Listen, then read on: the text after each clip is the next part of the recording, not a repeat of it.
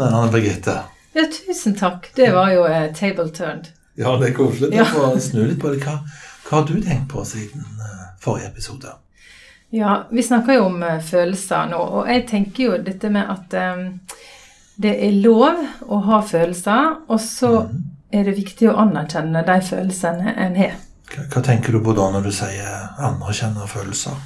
Ja, og mm, prøve å forstå. Vi har jo snakket om det at vi skal forstå at en føler sånn og sånn. Det er kanskje ikke alltid en klarer å forstå det, men at en iallfall skal godta det, da. At den andre har følelsen, og møte hverandre der en er.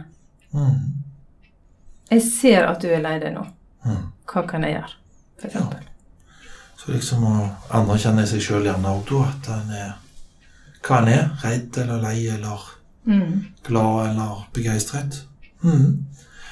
Du, altså Det jeg har tenkt på, det er at måten En ting å ha følelser, men måten vi forholder oss til følelser på, i oss sjøl og andre, det, det spiller en rolle.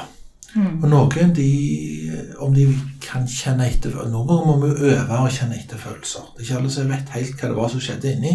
Mm. Så man må øve. Sette ord på. Følelser er alltid bare ett ord. Sånn? Redd, glad, irritert, fornøyd. Ett ord. Og noen er mer komfortable med følelser enn andre. Sånn at når det er et par, sånn, så er gjerne én mer komfortabel med at det er redsel i en sjøl, andre. At noen viser glede. Ikke alle som er så veldig fornøyd med det. Stolthet. Vise at man er fornøyd. Feire ting. Noen er ukomfortable med det. Noen er mer komfortable med det. Noen er komfortable med hengivenhet i full offentlighet. Andre er svært ukomfortable med hengivenhet. Og noen er komfortable med de har tristhet og sinne. Og andre syns det er veldig ukomfortabelt. Kjenner du det igjen? Mm. Men hvorfor er det viktig da, Egil? Jo, fordi at med alt det vi har snakket om i samlivsskolen Bygge vennskap, intimitet, eh, regulere vanskeligheter, forholde seg til forskjeller fordi man er forskjellige. Alle de tingene har felles drømmer, felles mål. Alle de tingene i et parforhold. Når man holder på med det, så oppstår det følelser. Og det handler om følelser. Når man skal få bygge opp at vi setter pris på hverandre, da må man vise følelser og ta imot følelser og klare å knytte seg nærmere hverandre. Mm. Men hvis du ikke er så veldig komfortabel, så vil du mer trekke deg unna. Noen har tilsynelatende lite følelser. Ja, men du vet, det, det sier noen. Ja, jeg er ikke sånn følelsesperson. Mm. Jo, men det er greit, det. Men det, det er jo fortsatt sånn at uh, de som lever med den personen som har lite følelser, merker en del følelser. Eller så skjer, lages det en del følelser rundt den personen. Sånn kan det fortsatt være. Så hvis noen sier 'jeg har ikke mye følelser', jeg, så kjenner jo på en måte de andre noe i magen når det uttrykkes. Og det har en betydning for om man kan snakke om det, komme nærmere eller lenger fram. Ja, men Du snakker om at det er to måter å, å møte følelsesuttrykk hos den andre på. Ja, for eh, selv om noen har mer følelser eller mindre følelser sånn, kjenner mer på ting eller svingende eller styrke eller sånn, så har jo alle en teori på en måte, en måte de får, en filosofi om følelser. Mm.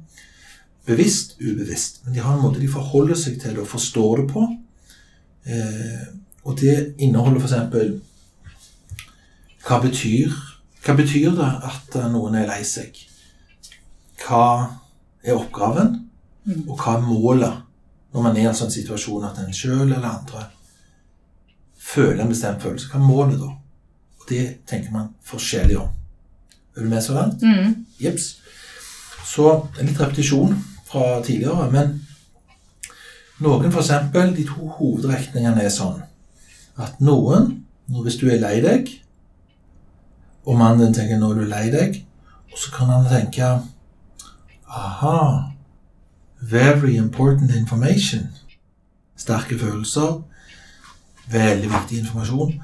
Nå er dette en anledning til vi bonder, knytter oss nærmere sammen. Dette er en anledning til intimitet, at vi står sammen. Er sammen. Og du vet f.eks. barnefødsler. Hvis, hvis et par ikke har tillit, og en mann ikke var til stede i den barnefødselen av en eller annen dårlig grunn, så hører familieterapeuten om det. Mm. Og det er fordi at eh, man var sårbar da. Og det er en veldig god anledning til å bygge hovedingrediensen i et godt forhold, nemlig tillit.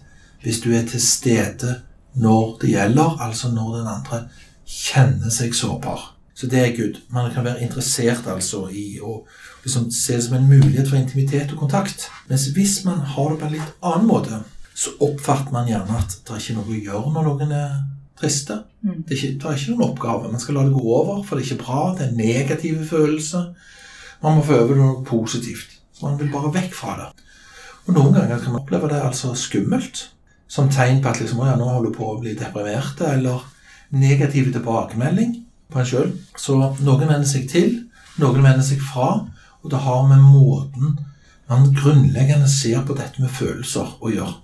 Alle forstår jo nå hva som er på en måte, den beste måten å møte på. Vi snakket om før både det med å vende seg til og vende seg fra. Og du vender deg til hvis du, hvis du anerkjenner, hvis du på en måte ser den andre og eh, forsøker å være der, selv om det kan være litt nifst, på en måte. Og noen kan føle det litt sånn skremmende og har lyst til å flykte, sånn som du sier. Men du tenker ikke flykt, vær der. Sånn er det. Mm. Det er et sånt fint uttrykk som heter Hvis du alltid har hatt et fang å sitte på når du vokste opp, så finner du alltid en parkeringsplass i livet. Eh, Det løser seg.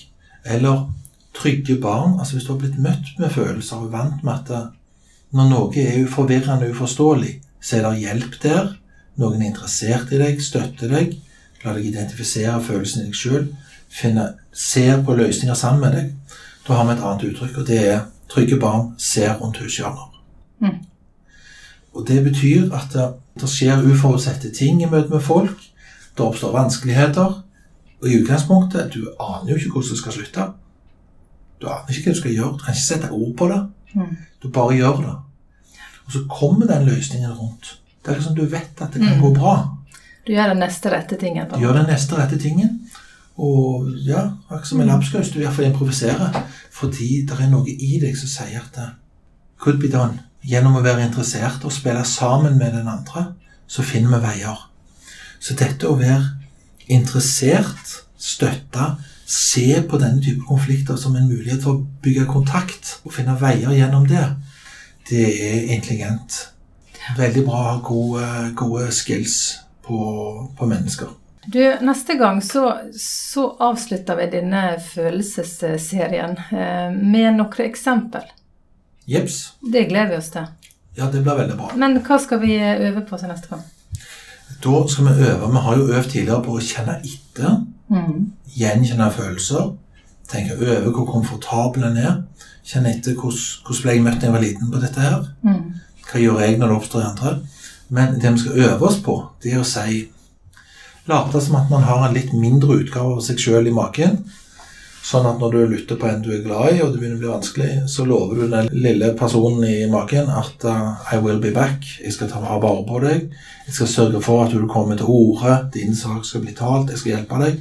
Men først må vi ha en voksenprat. Jeg må, altså jeg må snakke med den andre og høre hva den andre står oppi akkurat nå. Det var en lang måte å si utsette sine egne følelser lenge nok til at den andre føler at du har forstått.